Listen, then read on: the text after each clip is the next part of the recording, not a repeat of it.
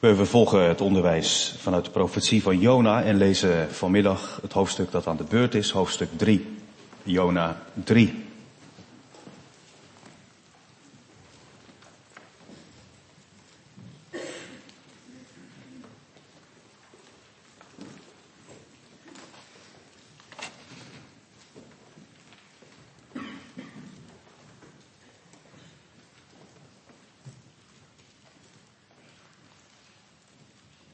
Het woord van de Heere kwam voor de tweede keer tot Jona.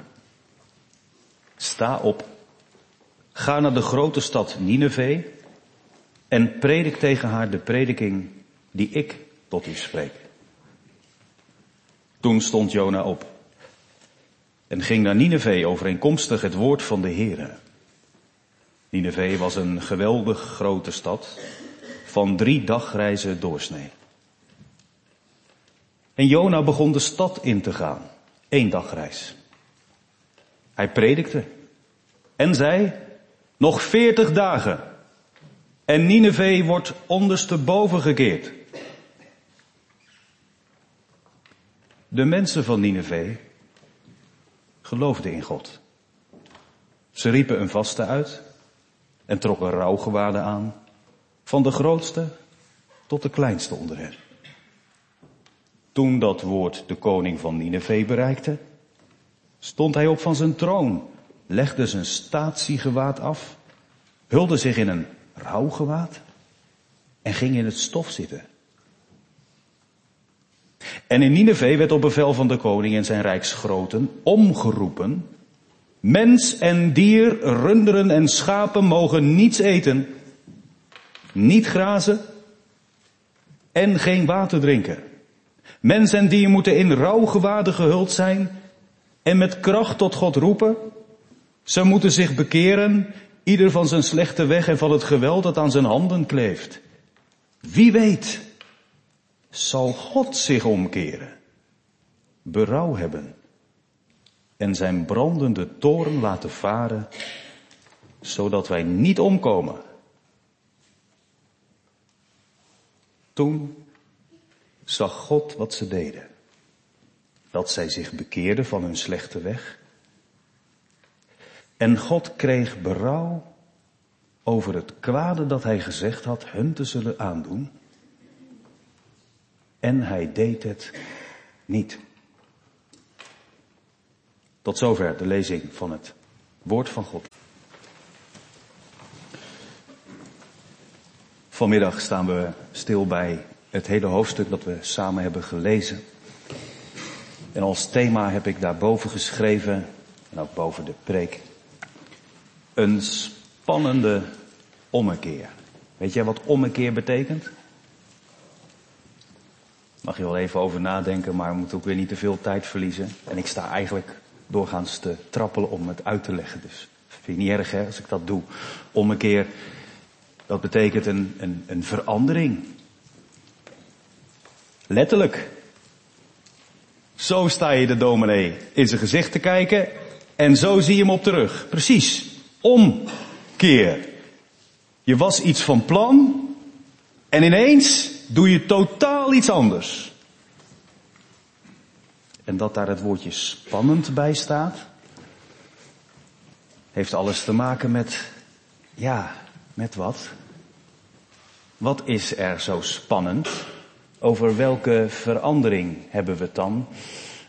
Nou, dat zijn de drie delen in de preek, de drie onderdelen in dit hoofdstuk, die ik benoem kort met een spannende ommekeer 1 bij Jona. We letten dan op vers 1 tot en met 4.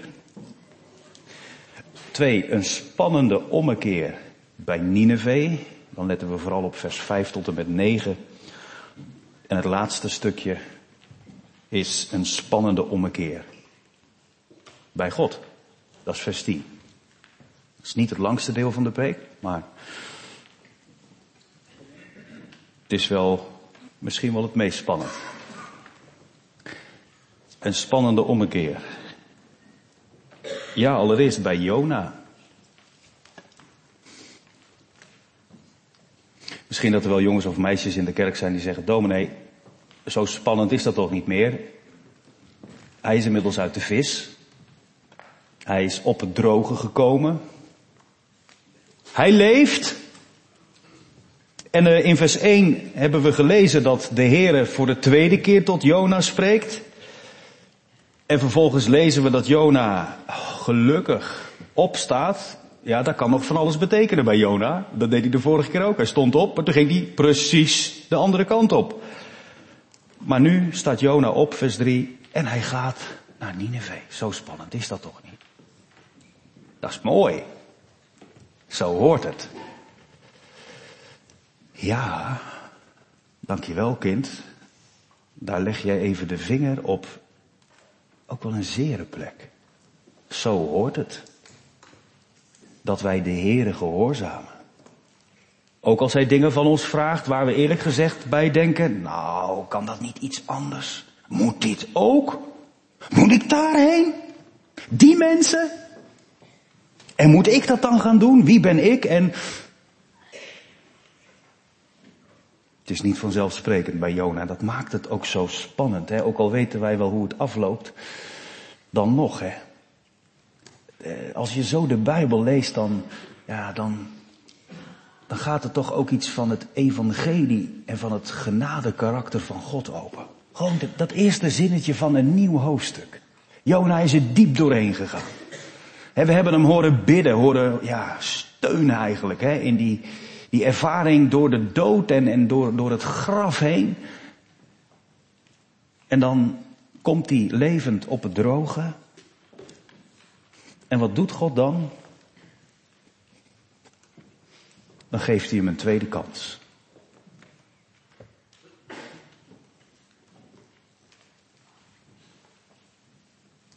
Wanneer is het voor het laatst dat u iemand een tweede kans gaf, gunde? Kan niet altijd, hè?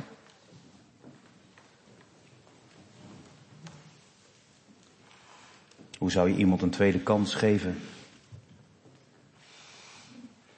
Als er dingen zijn gebeurd die niet zijn opgelost.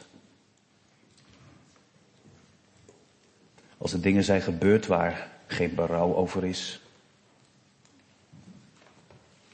Als er of, alsof er wordt gedaan alsof er niets gebeurd is, dan wordt iemand een tweede kans geven ook wel heel goedkoop. En je komt vaak van de regen in de drup, maar bij God is dat hier bij Jona wel anders. Hè? Hij heeft dan, zouden wij zeggen, in zijn ambt wel echt een diepe val gemaakt. Een enorme buiteling. Hij heeft gewoon bedankt voor de opdracht van God.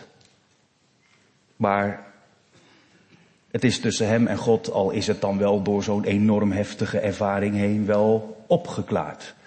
God heeft hem laten voelen wat hij heeft gedaan en vooralsnog had Jona niet iets gedaan wat ja, mensen beschadigde. Integendeel, dwars door zijn onwilligheid heen is God in het leven van die bootslieden gekomen, van die scheepslui, weet u nog, vanuit hoofdstuk 1. Jona krijgt opnieuw te horen voor de tweede keer, sta op. En hoewel we weten hoe het afloopt, zei ik al, dan nog hè. Wat hoor je daarin? Sta op, Jona.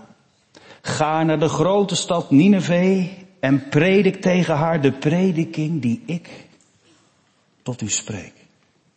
Het gaat niet alleen om Jona. Dat maakt het ook zo spannend. Niet alleen dat God zo'n man weer opnieuw inzet, maar dat God Nineveh niet is vergeten. Het is hem van meet af aan om die grote stad te doen. Het hangt, geliefde gemeente, ook niet af van onze gehoorzaamheid alleen. Het hangt ook niet af van of wij wel bereidwillig zijn. Maar dat God doorgaat. Hij heeft een woord voor Nineveh.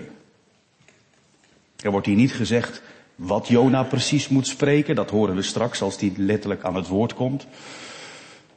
Maar hier wordt al fijntjes duidelijk. Het gaat God erom dat Nineveh hoort wat hij tot ze heeft te spreken. En Jona hoeft simpelweg alleen maar na te zeggen. Nou, Jona staat op. Hij ging naar Nineveh overeenkomstig het woord van de Heere. Mooi hè? Even niet te snel overheen lezen. Zijn daad is overeenkomstig wat God heeft gezegd. Hij kiest niet nog een vluchtroute. Hij past het plan van Gods zendingsideaal niet meer aan. Het moet naar Nineveh toe. Die stad waarvan u wel weet, waar mensen wonen, waarvan Jona denkt. Onbegrijpelijk. De aardsvijand van Israël. En dan ook nog het Assyrische volk wat daar huist, wat boven alle andere heidenvolken uitsteekt of misschien wel wegzinkt als het gaat over immoraliteit en over, over de vreselijkste, gewelddadigste karakters. Het gaat door. Overeenkomstig het woord van de Heere, zoals de Heer het heeft gezegd, gaat Jona op pad. En dan wordt Nineveh nog even beschreven. Nineveh was een geweldig grote stad. Ik ga niet herhalen wat ik in de eerste preek heb gezegd. Maar wat ik wel ontdekte is dat hier iets staat in het Hebreeuws wat jammer, jammer, jammer, jammer genoeg niet vertaald is. Want dat maakt het ook spannend. Letterlijk staat er, Nineveh was een geweldige grote stad van God. Sommige vertalen voor God. Ook Nineveh was een stad die onder het opzicht, het toezicht, het oog, het hart van God was.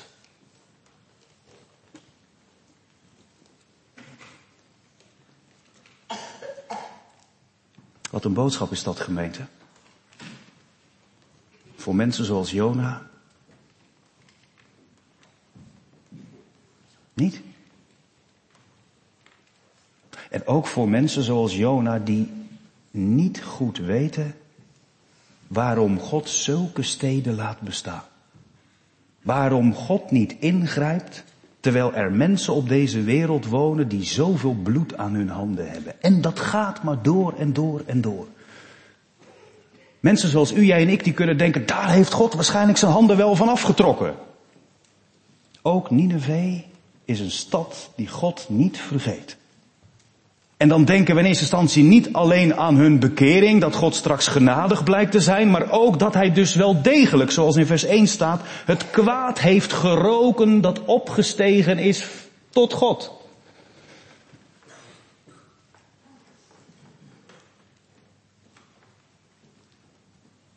Niet vergeten gemeente. Het kan soms lang duren en het lijkt soms alsof God vergeet dat er onrecht bestaat waar hij juist zo'n hekel aan heeft. Maar er ontgaat hem niks. En hij komt er een keer op terug. Nou, die keer is hier aangebroken. Want laten we eerlijk wezen. Dat maakt het ook zo spannend. Ik herhaal dat woord steeds maar. Wat gebeurt er als Jona begint te preken? Allereerst klinkt de boodschap, kort en duidelijk. Nog veertig dagen en Nineveh wordt ondersteboven gekeerd. Nou zeg.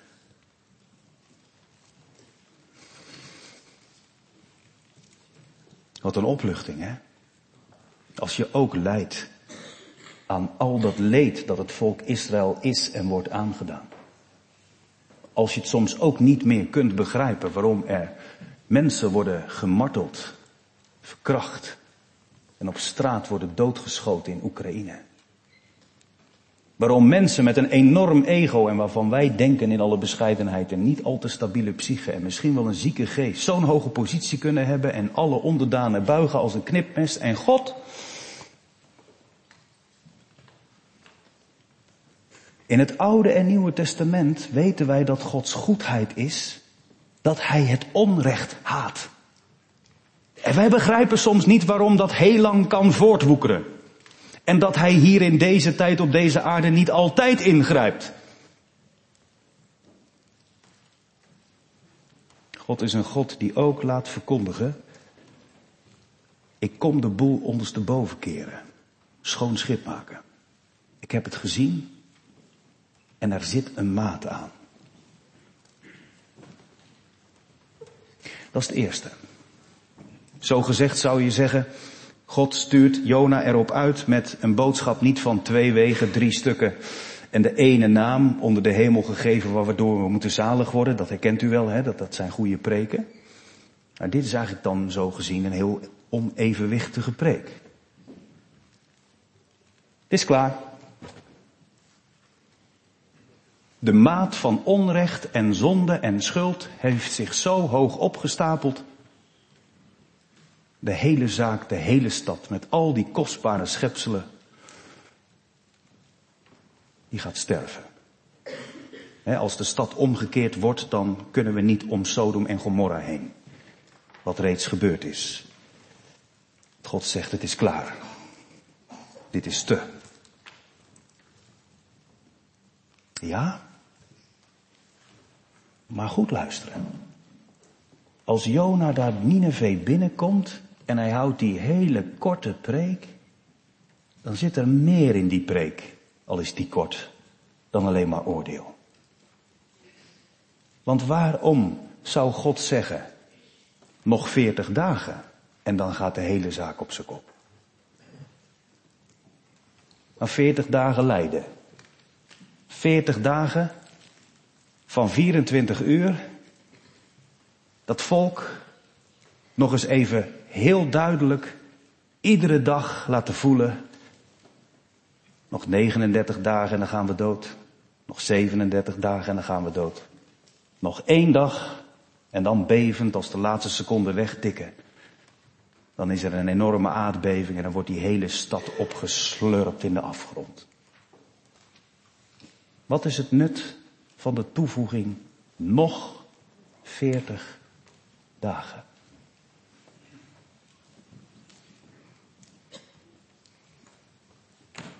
In het Oude Testament is dat een tijdsindicatie die bij het volk Israël nog wel gebruikt werd als een periode van loutering.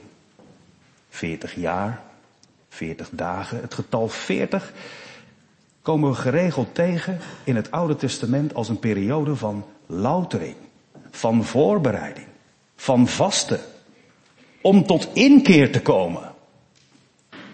Zou, zegt een verklader, en niet eens zo'n hele moderne hoor,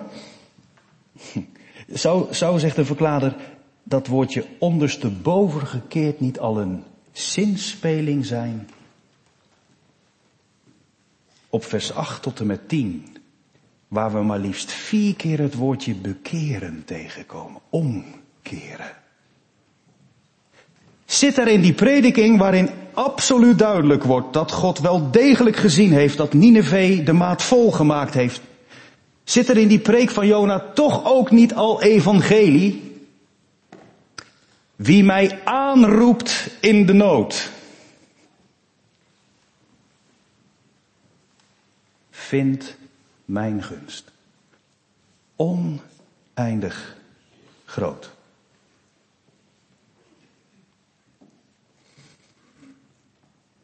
Het is terecht als je sterft. Want je zonden hebben de toren van God opgeroepen. En zijn heilige liefde is dat hij daar niet mee laat spotten. Hij heeft geduld, maar er is ook een maat. Zeker. Maar heel vaak kom je in de Bijbel die boodschap tegen als die zeggen, nou is het klaar. Dat hij kijkt met de blik van een vader. Die hoopt en die smacht, kind, snap je dan nu dat je stoppen moet? Kom terug. Kap ermee.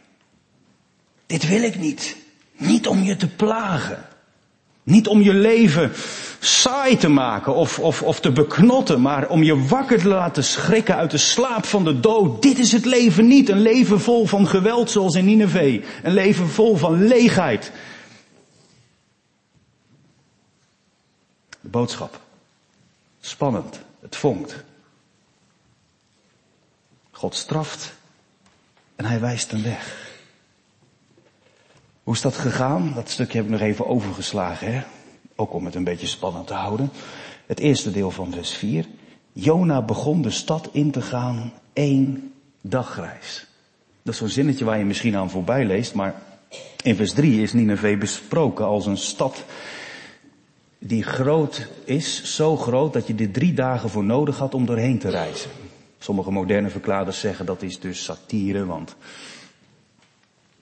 ja, dan moet je wel bij elk huisje gaan koffie drinken, wil je er zo lang over doen, want dat is een beetje overdreven. Drie dagen om die stad door te gaan. Professor M.J. Paul die schrijft in een uitleg hierbij dat we waarschijnlijk moeten denken aan hele district. Dus niet alleen de stad, maar ook het district, heel de omgeving waar mensen woonden. Hoe dan ook, wat mij opviel is, als de doorsnee van de stad drie dagreizen is en Jona begint in die stad te gaan, dan stopt het op dag één. En als je niet beter zou weten of je leest dit voor het eerst, dan zou je denken, ja dat snap ik. Dan hangt hij aan een boom. Dan wordt hij de stad uitgejonast. De aardsvijand. Dan komt daar een Hebreeuws uitziende man, die waarschijnlijk Assyrisch heeft gesproken, want Hebreeuws verstonden ze daar niet. En die zegt in de naam van zijn God, dat dat machtige volk met die grote stad, die ook nog eens bekend stond om hun meest gewelddadige listen, dat die stad zal worden omgekeerd. Ja, dat pikken ze toch niet. Einde verhaal, einde profetie. Jona eindigt in de dood. Hoe anders verloopt het gemeente? Ik dacht, is het zo geweest dat die krachtige boodschap van Jona hem vooruitgesneld is? Dat na één dag er predikers zijn gekomen die door hebben gebriefd, of in de taal van vanochtend, door hebben gegeven wat ze hebben gehoord? Heeft God er niet voor gezorgd? Het komt wel op een paar dagen aan, toch? Als hij de drie dagen overdeed, terwijl ze nog maar veertig dagen hebben, u begrijpt het. Wat een machtige boodschap in een klein zinnetje. Hij heeft er maar één dagreis voor nodig. En dan, wat staat er dan? Ik zou zeggen, nog 39 dagen te gaan. Vers 5. Een spannende ommekeer bij Nineveh. De mensen van Nineveh geloofden in God. Ah, dat is te makkelijk. Dat is te makkelijk. Zo gaat het meestal toch niet.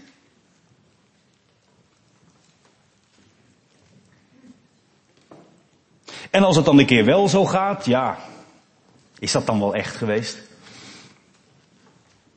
Er geloven er zoveel. En mensen die geloven om hun eigen hachje te redden, ja, hebben we daar nou wel zoveel mee? John Piper zegt, nee, je moet geloven om je te, ver, ja, eh, hoe zegt hij dat? Om God te verheerlijken. Maar gemeente, zijn in eerste instantie mensen die die taal van Israël niet kenden. Die de rituelen en de geboden van Israël niet kenden en die al helemaal nooit gehoord hadden van een gereformeerde dogmatiek en van John Piper. Mensen die hun leven misvormd zagen worden door een religie van geweld. Mensen die hun leven hadden gegeven om bekend te worden als het meest beruchte volk op aarde in die tijd. Is toch wat? Ze horen een preek van één zin, bij wijze van spreken. Waarin God ze de pas afsnijdt. Waarin die in één vurige uithaal heel dat onrecht en hun zonde en hun schuld te kijk zet. En ze veertig dagen geeft. En dan staat er de mensen van Nineveh. Staat niet hoeveel. Er staat niet de bekommerde. Er staat niet de, de, de oprechte mensen. De mensen van Nineveh geloofden in God. En als er nou iemand is die zegt dat het te makkelijk gaat, nou. Is dat nou heidens? Zoals wij dat dan typeren, is dat nou verkeerd wat ze doen? Of goed? Ze riepen een vaste uit. Dat is in de cultuur van die dagen niet alleen dat je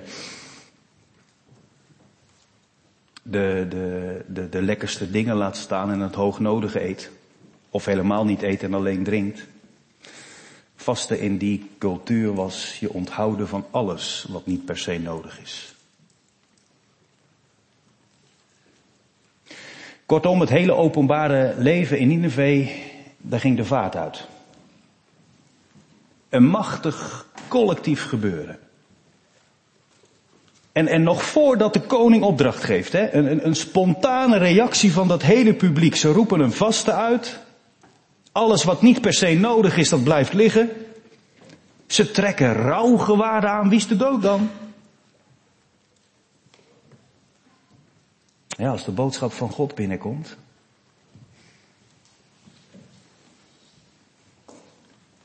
Er gaan straks tienduizenden mensen dood, hè? Zou je niet rouwen? Op de een of andere manier slaat het naar binnen. En of u het nou manipulatie noemt of niet. Ik vermoed dat onder leiding van de grootste, de oudste, de kleinste worden bewogen om mee te doen. Zomaar even weer zo'n zinnetje. Kom, kom jongen. Meisje, nee. Die vrolijke kleren uit. Rouwgewaad aan. Ja, waarom dan mama? Ik wil spelen. Nee, niet spelen vandaag. Maar u had beloofd, u zou zo lekker gaan koken. Nee, vandaag ook niet. We hebben een woord gehoord van één man. En dat is niet best. Of toch wel? Een spannende ommekeer bij Nineveh. Wat een, zou je bijna zeggen, voorbeeldige reactie van mensen waarvan je het niet zou verwachten. En als het bij het gewone volk al zoveel gevolg heeft, daar stopt het niet mee gemeente. Vers 6. Toen dat woord, hadabar, staat er in het Hebreeuws, dabar kent u wel hè. Dat is een woord wat je mag vertalen met woord of met daad. Woord en daad, dabar. Dus het kan zijn dat die daad van het volk de koning heeft bereikt. Of dat in combinatie daarmee ook is uitgelegd. Ja, dat heeft te maken met het woord dat Jona, die profeet uit Israël is komen spreken. Op veertig dagen. En de stad zal worden omgekeerd. Nou, de koning van Nineveh, die, die, die krijgt dat te horen. Zie het voor je, jongens en meisjes? Hij staat op van zijn troon. Legt zijn statiegewaad af. Ik, ja, ik moest meteen even denken aan Willem-Alexander. Aan de dag dat hij gehuldigd werd. Die, die, die, beste man die heeft moeten oefenen om erin te lopen. En uh, dat is zo zwaar en dat is zo gewichtig. En dat, dat, ja, dat doe je ook niet iedere dag aan. Nou, in ieder geval heeft deze koning een gewaad aan dat zijn ambt uitbeeldt. En dat legt hij af. Hij trekt ook een rouwgewaad aan en gaat nota bene in het stof zitten. Dat zijn dus niet zomaar Joodse gebruiken, dat, daar kom je het ook tegen, maar in het Oude Oosten in zak en as. Wij kennen dat spreekwoord wel. Die man is, zou je zeggen, ten einde raad. Het dringt door tot in de politiek, zouden wij zeggen. Dat is ook wel een beetje om jaloers op te worden, toch? En dat maakt ook dat sommige mensen zo geschiedenis lezen als een lang verhaal. Of een, een, een oud verhaal van lang geleden. Toen, toen God nog wonderen deed, zeg maar. als ik in de markthal ga staan. En ik begin te roepen. In de taal van Jona. Denk je nou echt dat dat Den Haag bereikt? Hoe moet je dat dan doen? Hebben vanmorgen gehoord, hè? Het goede van God doorgeven. De boodschap niet aanpassen. Niet om de mensen tegemoet te komen. Een halve God etaleren. Maar gewoon zoals het is in het vertrouwen. dat God voordat de dag des oordeels aanbreekt ervoor zorgt dat er niemand ontbreekt in de grote schade. Ja, Nineveh wordt op bevel van de koning en zijn rijksgenoten eh, geïnformeerd doordat er wordt omgeroepen. De nacht van zaterdag op zondag eh, werd onze dochter eh, wakker omdat er een aantal uh, mensen met een megafoon door de laan liepen. Nou, dan weet je gelijk het effect van zo'n ding op een onverwachts tijdstip. Wat is hier aan de hand? Er waren een paar mensen die, uh, zo denken we achteraf als ik het probeer te reconstrueren, een, uh, een achtervolging wilden nabootsen. Halt, staan blijven. Nou, ik zie, me, ik zie het voor me dat dat ook gebeurde daar. Er staat letterlijk, er werd rondgeschreeuwd, het moest doorgegeven worden. De koning doet er eigenlijk nog een extra schepje bovenop. Mens en dier, runderen en schapen mogen niets eten, niets grazen en geen water drinken. Mens en dier moeten in rouwgewaden gehuld zijn en met kracht tot God roepen. Nou ja, oké, een dier een rouwgewaad aantrekken, oké. Maar hoe moet een dier tot God roepen? Ja, zo kijken wij ernaar, hè. Maar de koning heeft zijn statiegewaad afgelegd. Hij heeft gebogen voor de koning der koningen. Hij neemt de boodschap serieus. En dan mag hij in onze burgerlijkheid een beetje doorschieten en dat we zeggen, nou man, dat kan toch allemaal niet zo. Nee, maar ja, weet u, als het binnenkomt en je gelooft God op zijn woord, dat er over 40 dagen Nineveh niet meer bestaat. En je hebt een religieuze aangelegdheid op het hogere. En je ziet en je hoort door, door deze ene profeet heen, dit is hem dan toch, de God die van zich laat horen en je neemt hem serieus.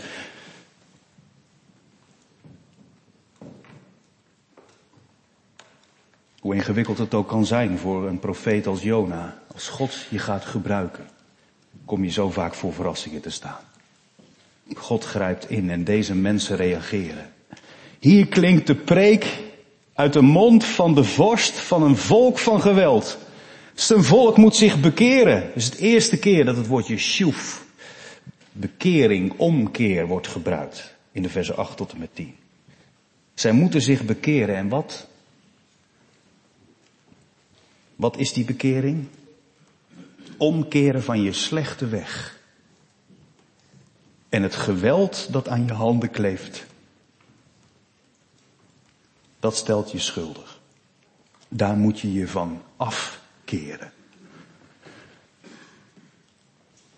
Als je die twee dingen nou aan elkaar verbindt, gemeente, de boodschap van God, dat hij de stad komt omkeren vanwege het kwaad dat hij heeft gezien, dat hebben die mensen gehoord, en hun reactie.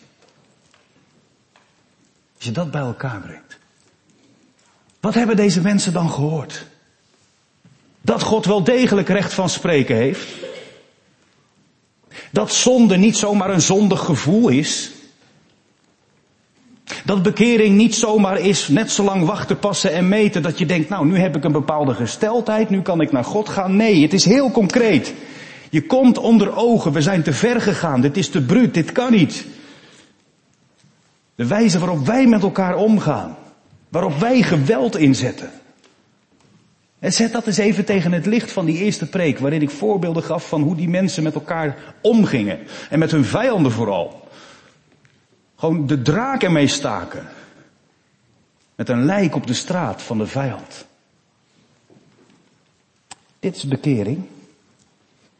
Herhalen wat God heeft aangewezen. Dit is fout. Dat is niet zomaar een beetje een prevelementje doen. Het zondaarsgebed bidden. Maar dat is kappen met die slechte weg. Stoppen met dat geweld. Zo concreet vult de koning dit in. Mensen en dier moeten zich in rouwgewaden hullen en met kracht tot God roepen. Ja, precies. Maar niet alleen maar roepen.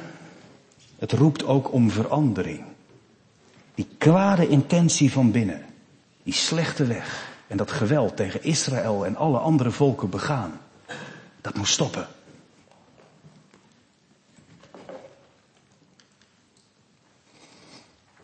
Er worden wel vragen gesteld, de eh, gemeente, bij deze hele reactie. Vragen door eigentijdse verklaarders. Is dit nou allemaal echt geweest? Is dit allemaal nu, eentje noemt dat zaligmakend geweest? Heeft deze hele ommekeer van Nineveh ervoor gezorgd dat alle Ninevieten die toen leefden straks op de nieuwe aarde er zullen zijn? Nou, ook niet te snel meteen in de ontkenning schieten als het over die dingen gaat. Als je het hebt over de Ninevieten die toen de preek van Jona gehoord hebben. Want Jezus is vrij royaal, hè, Matthäus 12. De mannen van Nineveh. En dan moet u niet denken dat de jongens en de meisjes en de vrouwen daar niet bij horen.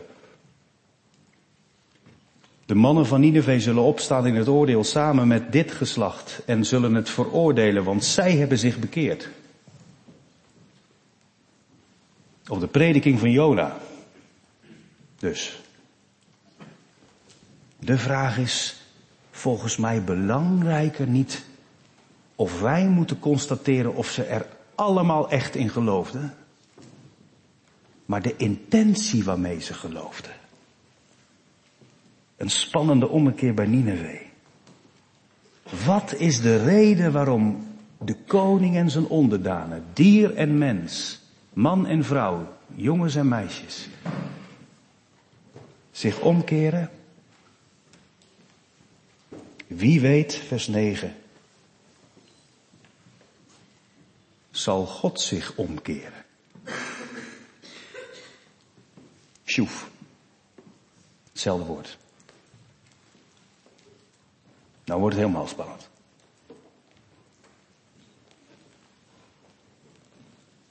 Denkt dat stelletje heidenen nu dat God zich moet gaan bekeren? Waar halen ze het hoogmoed vandaan? Nee, zo bedoelen ze het helemaal niet. Alsof God iets verkeerds gedaan heeft waar hij op terug moet komen. Ze zeggen, wie weet zal God zich omkeren en berouw, of zo mag je ook vertalen, verdriet krijgen en zijn brandende toren laten varen, zodat wij niet omkomen. Ze noemen het dan toch maar even, hè? Waar wij soms zo bang voor zijn als we met mensen van niks spreken. Oh, de brandende toren. Ze zullen wel denken dat zijn van die hel- en verdoemenismensjes. Als ze zeggen hij zal zijn brandende toren, misschien, wie weet, zal hij het laten varen. Impliciet erkennen ze dan wel die toren toch? Je ziet hier wel mensen die opgevoed zijn bij de gedachte aan het noodlot. Je ziet mensen die opgevoed zijn bij de gedachte. Daarom zei ik, is dit nou niet een beetje te heidens?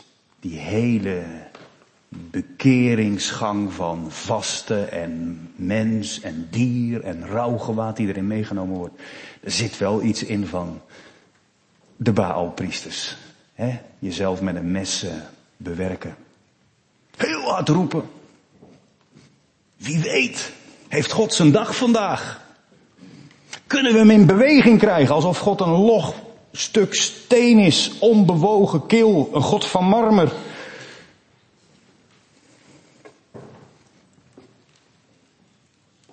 Ja, dat wisten zij nog niet.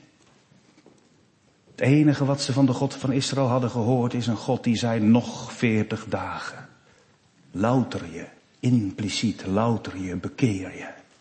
Want ik ga je omkeren. Hij heeft niet beloofd dat hij je niet zal omkeren, maar hij heeft wel beloofd dat inkeer mogelijk is. Hoeveel te meer wij gemeente. Stel ik me zo voor, hè? dat kan natuurlijk niet, maar van mij mag je de Bijbel zo lezen. Stel dat jij nou erbij was geweest daar in Nineveh. En je had de koning en die mensen horen roepen. Wie weet, God zal zich omkeren en berouw hebben en zijn brandende toren laten varen. Ook dan staat er weer omkeren. Terugtrekken. Zodat we niet omkomen. Als jij dat had gehoord. Dat zij zeiden, wie weet zal God. Wat zou je dan hebben gezegd? Ik? Wie dat weet? Ik. Dat heb ik al nou zo vaak gehoord in de Laankerk. Van papa en mama. Wie weet, gemeente, dat zegt u toch niet, alstublieft. En dat ik erover begin, is omdat ik er niet helemaal vertrouwen in heb. Of het zo is. En ik weet ook dat het soms een spook is wat met je mee kan gaan vanuit het verleden. Ja, maar wie weet. Heidendom in een orthodoxe jas. Maar je moet wel eerst dit. Je moet wel eerst dat. En heel misschien dan. Wij weten dat God zich met heel zijn hart en met al zijn liefde afwendt van de zonde die je aanklagen. Omdat hij jouw zonde niet meer ziet als je de toevlucht neemt tot meer dan Jona, Jezus Christus die hing aan een kruis. Dan heb je het verdiend dat God met je afrekent. Als je let op jezelf. Maar als je gaat tot Jezus en je hand legt op de belofte van God. Er is voor mij geen verdoemenis meer, want ik ben in Christus Jezus. Nou, deze mensen hebben dat allemaal nog niet gezien. Voor hen is het misschien een kans van 50-50. Wie weet, God zal zich omkeren. Toch hebben ze in de boodschap van die ene zin iets gehoord waar ze grond in vinden om op te gaan staan. Volhouden. Het onrecht eerlijk beleiden. Het geweld links laten liggen. En een beroep doen op God. Een spannende ommekeer. Ja. Hoeveel te meer is dat spannend voor Israël. Ik heb al eerder gezegd hè, dat het boekje Jona gelezen wordt in de Joodse synagoge. Op de grote verzoendag, Yom Kippur. Juist het boekje waarin een van hun profeten er niet zo best afkomt. Juist het boekje waar hun aardsvijand zich omkeert. Vanmorgen had ik het over de Talmud, hè? Die uitlegt op Psalm 78. Als je die eh, leest en je komt bij het 38ste vers uit, zit je precies in het midden van het boek van de Psalmen. Wat voor Israël hun behoud is, de grond van hun bestaan.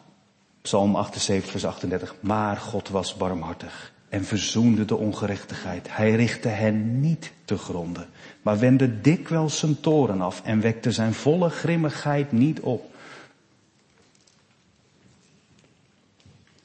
Je zou zeggen, de geloofsbeleidenis van Israël, de reden van hun bestaan, is ook een reden voor de heidenen. God doet het niet, het laatste punt van de preek, een spannende ommekeer bij God. Toen zag God wat zij deden. Hij zag dat ze zich bekeerden van hun slechte weg. En God kreeg brouw. God had verdriet. Kan dat nou, hè?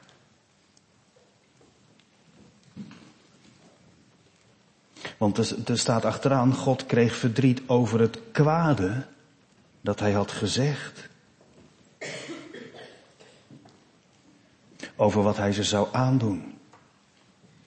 Kan dat nou? God doet toch geen kwaad? Heeft God dan een fout gemaakt? Calvijn en sommige andere uitleggers halen dan de accommodatieleer van Stal. Misschien heeft u daar wel van gehoord en dan doe ik het een beetje denigrerend. Zo bedoel ik het helemaal niet. Zo klinkt het ineens. Dat was niet de intentie. Maar dat is een manier van uitleg die als volgt gaat. Ja, God kan natuurlijk geen berouw hebben. En God wist natuurlijk alles van tevoren al. En God komt nooit terug op iets wat hij, heeft, wat hij heeft gezegd. Er zal geen één woord leeg van hem op de aarde vallen en zo. Maar accommodatie is aanpassing. Hij spreekt in dit boek met ons op een manier ja, dat wij hem kunnen begrijpen. Hè? Zoals een, een, een moeder met een babytje ja, gaat spreken en dat, dat, dat brabbelt wat en dat, hè, dan, dat kind kraait en die moeder doet dat na en dan zit je met elkaar te communiceren. Maar het is eigenlijk een aanpassing van God brabbelt hier wat, zegt Calvijn, zodat we hem een beetje kunnen begrijpen. Maar ik dacht met alle respect, grote reformator, God hoeft van ons niet te vragen of wij hem begrijpen. Is het niet nou juist heerlijk dat je de kerk eens uitgaat en zegt ik begrijp er niks van. God is veel groter dan ik kan bevatten. God past zich per se niet aan aan ons, zodat wij het gaan begrijpen. Hij neemt juist afstand van ons en daarom is het onbegrijpelijk. Hij laat zien, ik heb een hart dat gekwetst kan worden. Als je mijn oogappel komt aan Israël, dan kom je aan mij en daarom komt die boodschap naar Nineveh. God duldt dat onrecht niet. Maar Gods genade is groter dan de twaalf stammen. En Gods goedheid is er ook voor de heidenen.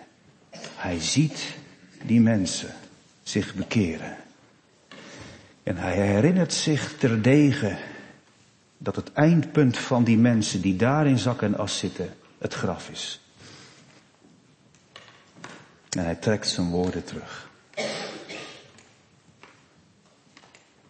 Ik dacht bij het maken van de preek, zo had ik ook kunnen kiezen voor het thema, God doet niet wat hij zegt. Dan had u het misschien al spannend gevonden, dan had ik het allemaal niet zo hoeven noemen. Dat is wel lastig, hè? wij voeden onze kinderen en elkaar op. God houdt zich aan zijn woord hoor. Hij is trouw. Ja, dat geldt al zijn beloften.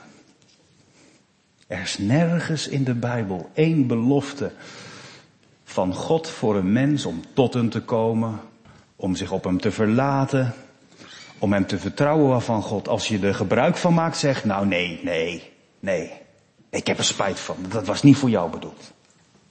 Nee toch. Maar God gebruikt soms zijn bedreigingen, zijn oordeel, om je wakker te laten schrikken. En dan doet onze reactie hem wat. We zeggen wel eens, wij zijn geen stokken en blokken, maar God ook niet. Het doet hem wat, jongens, als je kleur bekent. En hij vergeeft graag, hij deed het niet. Een spannende ommekeer bij God. Het is maar hoe je het bekijkt, toch? Ik aan het einde van de preek nog even het voor de geest haal. Jona gaat de stad binnen. Hij doet wat hij moet doen, overeenkomstig het woord van de Heer. En wij weten van heel die voorgeschiedenis, hij wilde niet. Maar God zet hem in. Eén dag is genoeg. dan tikken de dagen weg. 38, 34, 23. En dan is de veertigste dag aangebroken. Dan gaan we als God het geeft de volgende keer weer verder. Dan zingt Jona niet meteen Psalm 150 en wat God doet is wel gedaan en zo. En ik weet inderdaad ook niet wat er allemaal in het hart van al die mensen heeft geleefd. En hoe echt het allemaal is geweest. Eén ding weet ik wel. De goedheid van God roept hier gehoorzaamheid en bekering op. Maar het vraagt altijd om volharding. Het is nooit een excuus om Gods goedheid in te zetten om jouw zonde te vergeven en er vervolgens niks meer mee te doen. Want wat blijkt 612 voor Christus? Nahum 3 kun je het lezen, Sefania 2 bevestigt het. De generatie van de mensen die hier leven in hoofdstuk 3, de generatie daarna, is gewoon weer verder gegaan. De mensen die zich hier hebben bekeerd, ze hebben het ongetwijfeld doorgegeven. Maar er zijn er ook geweest die nog erger zijn geworden dan hun voorgeslag. Dat is de realiteit. Gods goedheid is groot, maar spot er niet mee. Zijn prediking is radicaal, loop er niet voor weg. En zijn genade is onweerstaanbaar, maar niet goedkoop. Amen. Als antwoord op de verkondiging gaan we met elkaar zingen uit Psalm 77. En daarvan vers 8. Dat is dezelfde wijze als 86. Maar dat geheel terzijde. De inhoud is bepalend. Heilig zijn, o God, uw wegen. Niemand spreekt uw hoogheid tegen. Wie, wie is een God als gij? Groot van macht en heerschappij.